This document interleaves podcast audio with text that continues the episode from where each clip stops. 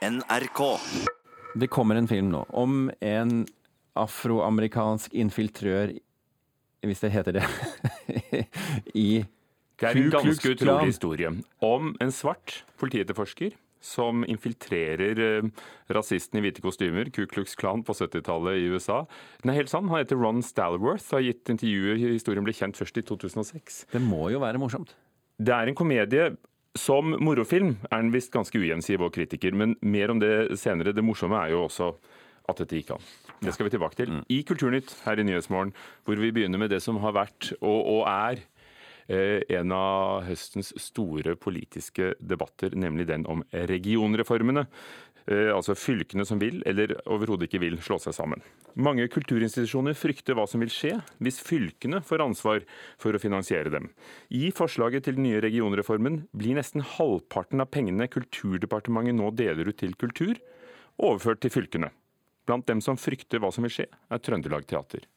Hvis dette blir gjennomført, så er vi redd for at det på sikt er historien om en varslet katastrofe. Vi stoler ikke på at det eh, forvaltningsnivået vil kunne ta vare på kulturinstitusjonene på samme måte som departementet og stat har gjort. Det sier Kristian Seltun, som er teatersjef ved Trøndelag Teater. Med den typen overføring så vil vi jo komme i konflikt veldig raskt med andre gode formål som veibygging, helse og skole.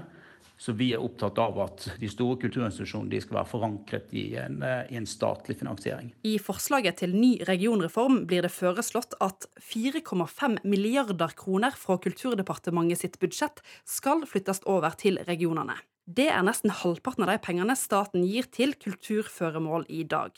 Det betyr i praksis at dømes Den nasjonale scene i Bergen, Trøndelag Teater og flere museum og orkester vil bli regionene sitt ansvar.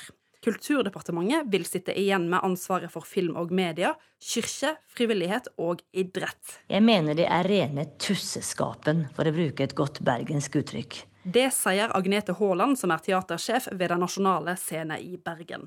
Det er viktig at vi har direkte statlig tilskudd for å sikre nasjonal infrastruktur. Og hvis hvert fylke skal holde på med sitt eget, så frykter jeg at eh, mange vil bli skadelidende. Forslaget kommer fra et ekspertutvalg og ligger nå på regjeringa sitt bord. Dette forslaget innebærer at i alt 23,5 milliarder kroner skal flyttes ut til regionene. 20% av denne potten er penger til kultur. Anette Trettebergstuen sitter i familie- og kulturkomiteen for Arbeiderpartiet, og hun advarer mot forslaget. Hun sier det er behov for en sterk statlig styrt kulturpolitikk, og at det får en ikke med dette forslaget. Kristin Ørmen Johnsen sitter i familie- og kulturkomiteen for Høyre, og hun mener at forslaget, i det omfanget ekspertutvalget kommer, ikke blir stående. Det er riktig å ta noen grep i regionreformen og overføre noen oppgaver, men på kulturfeltet så tenker jeg at det ble kanskje for eh, mange og for stort eh, omfang. Johnsen legger vekt på at selv om noen kulturinstitusjoner ikke er nasjonale, så har de kanskje en nasjonal funksjon. Så vi må jo også rydde litt i de begrepene der. Og Hagen-utvalget tok jo veldig kraftig i, og jeg tror vel at for å få mest mulig ut av kulturkronene, så tror jeg fortsatt på en god deling mellom stat, eh, fylke og kommune. Kulturminister Trine Skei Grande sier de skal gå gjennom forslaget. Men vi har også sagt at det, det er viktig at de store institusjonene skal puste med magen og ta det med ro. Vi har forståelse for at vi også trenger en nasjonal politikk framover. Og Morten Hjelten, som er direktør i Norsk teater- og orkesterforening, tror forslaget blir endra. Jeg har stor tro på at Trine Skei Grande kommer til å lage en langt mer nyansert syn på fremtidig finansieringsordning av kulturen ja, når kulturmeldingen kommer. Og det er Haaland ved Den nasjonale scene enig i. Vi har full tillit til at eh, Erna Solberg, Monica Mæland og Trine Skei Grande kommer til å si at dette går vi ikke for. Agnete Haaland, teatersjef, og kommunal- og moderniseringsministeren Monica Mæland ønsker ikke å kommentere saken. Reporter Kari Nygaard Tvilde. Agnes Moxnes, kulturkommentator i NRK. Hvor sannsynlig er det at 4,5 milliarder kroner av Kulturdepartementets budsjett blir flyttet til fylkene? ta en liten omvei før jeg svarer på det spørsmålet. for Akkurat nå så ser vi jo hvordan fylker og regjering eh, slites om selve den geografiske regionreformen. Det er jo bare å nevne fylkesnavn som, som Finnmark og Troms. Eh, neste runde blir antageligvis ikke veldig mye lettere, for da er jo spørsmålet om hva staten skal sette ut av oppgaver og arbeidsplasser.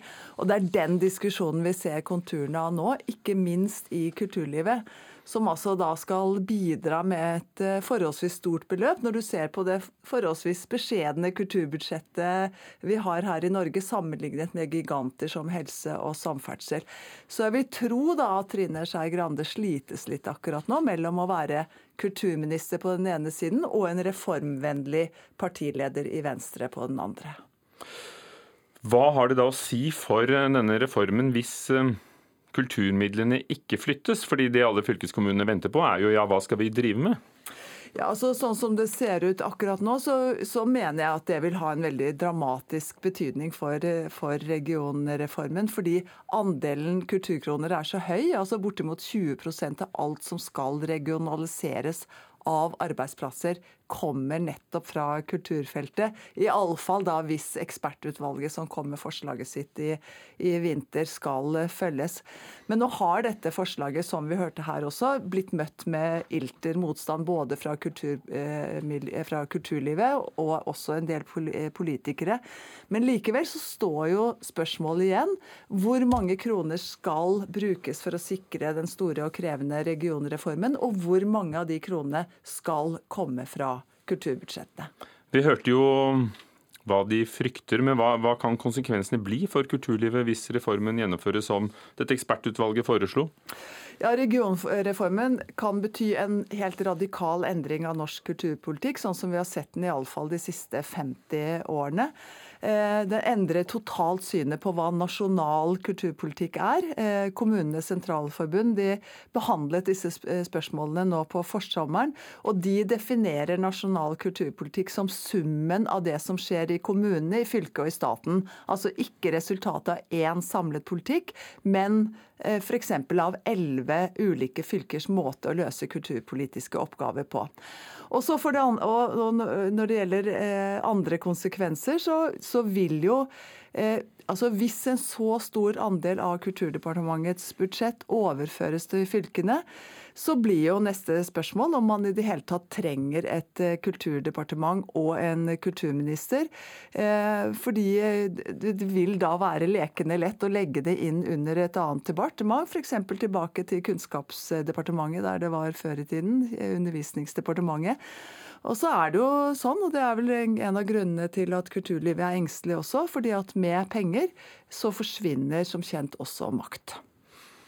Agnes Moxnes, Takk skal du ha. Dagens aviser. Det er flere eksempler på at norsk humor når eh, utenfor landets eh, grenser. Kulturreporter Oddvin Aune. Ja, Den norske serien Vikingane, som mange har sett på NRK, får nå en ny sesong på Netflix. Serien er jo spilt inn i to ulike versjoner. En med norsk tale, som vi har sett her i Norge, og en med litt stokkete Tor Heyerdalsk eh, engelsk som eh, er kjøpt opp av Netflix og som er vist der. Men Tor Heyerdahls tale nådde langt ut i verden? Det, det er sant, det gjorde han. Eh, den engelske versjonen går under navnet Norseman. Vi kan jo høre et klipp fra den versjonen.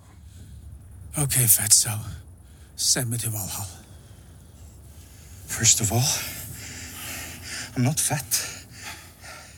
I have a curved spine, so my stomach tends to bulge out a little because my spine is turns inwards in a sense. Fra Norse. Men eh, nå kommer det altså en ny sesong av, den engelske versjonen av Vikingene på Netflix. Ja. Sesong eh, to har premiere om en måneds tid på Netflix. Eh, det her er jo altså den sesongen som, er, som allerede er vist NRK, på NRK med norsk tale. Eh, Dagbladet skriver at Netflix eh, nå har kjøpt eh, hele denne serien med hud og hår, slik at den har blitt, fått status som en Netflix original. Det betyr at selskapet har betalt et ukjent millionbeløp for rettighetene, og at de vil satse mye mer på serien. Og Det betyr jo også at det er en ganske stor gjeng med norske skuespillere som dermed vil nå ut til et potensielt sett 150 millioner seere over hele verden. Eh, og Det kommer jo også flere sesonger av denne serien. her. Produksjonsselskapet Sagveien Resort sier at det kommer en ny sesong om et års tid. Hmm, de gjør det godt. Apropos film, nå skal det handle om morgendagens kinopremiere på norske kinoer som heter Black Clansman. Historien om en svart politietterforsker som infiltrerte Ku Klux Klan i USA på 70-tallet. Den har premiere i morgen. Regissør av Spike Lee, og Birger Vestmo har sett den. There's never been a black cop in this city. We think you might be the man to open things up around here. Når Spike Lees Black Clansman er god, er den veldig god. Denne filmen forteller en absurd historie basert på virkelige hendelser på 1970-tallet, med klare paralleller til politiske forhold og strømninger i samfunnet i vår egen tid. Samtidig er filmen frustrerende ujevn, der dypt alvor og sort humor dessverre ikke lar seg blande helt uten problemer. På sitt beste er Black Clansman kanskje den mest tilgjengelige, underholdende og publikumsvennlige filmen Spike Lee har prestert på flere år, men den har òg noen feilgrep som forhindrer den fra å plassere seg blant hans aller beste. This is Ron Stallworth calling. Who am I speaking with? This is David Duke. Grand Wizard of the Ku Klux Klan. That David Duke? Filmen er basert på opplevelsene til politietterforskeren Ron Stallworth, spilt av John David Washington, i Colorado Springs i USA midt på 1970-tallet. Han ser en avisannonse for det lokale Ku Klux Klan-laget, tar kontakt og utgir seg for å være interessert i et medlemskap. Problemet er at Stalworth er afroamerikaner, og trolig lite velkommen. Han må derfor alliere seg med kollegaen Flip Zimmerman, spilt av Adam Driver, som utgir seg for å være Stalworth i personlige møter, mens Stalworth sjøl fortsetter kommunikasjonen på telefon, annet med den nasjonale KKK-lederen David Duke, spilt av Topher Grace. Slik begynner en risikabel etterforskning for å avdekke klanens virksomhet. What can I do you for? Well, since you asked, I hate blacks. I hate Jews. And anyone else, really, that doesn't have pure white Aryan blood running through their veins. I'm happy to be talking to a true white American. Denne historien er så vill i utgangspunktet at det ikke er rart at Spike Lee har valgt å delvis fortelle den som en komedie. Her er det mange episoder som nærmest inviterer til sort humor, og Lee gjør mye godt i scener som er både morsomme og illevarslende på én gang. Samtidig overdriver han kraftig i skildringa av klanmedlemmene, med personkarakteristikker som sklir over i det parodiske, på en måte som ufarliggjør både holdninger og handlinger. How do you propose to make this investigation? We'll establish contact over the phone. We'll need a white officer to play me when they meet face to face. Filmens sinteste innhold får vi helt på slutten, der parallellene til vår egen tid hamres inn hardt og brutalt. Spike Lee vil at vi skal innse at de rasistiske tankene og holdningene som drev KKK for noen tiår siden, fremdeles lever i beste og verste velgående. Det er en kald avslutning på en film som diskuterer svart stolthet og identitet i en hvit verden som forsøker å holde dem ned. Spike Lee bommer på tonen i deler av handlinga, der gjentatt bruk av humor tar brodden vekk fra budskapet, men det er samtidig prisverdig at Black Clansman er god underholdning som vil noe mer enn å underholde. America first. America first. America first. If I would have known this was a meeting, I wouldn't have taken this mother. En ganske utrolig historie. Black Clansman, sett av vår filmkritiker Birger Vestmo her i Nyhetsmorgen i NRK.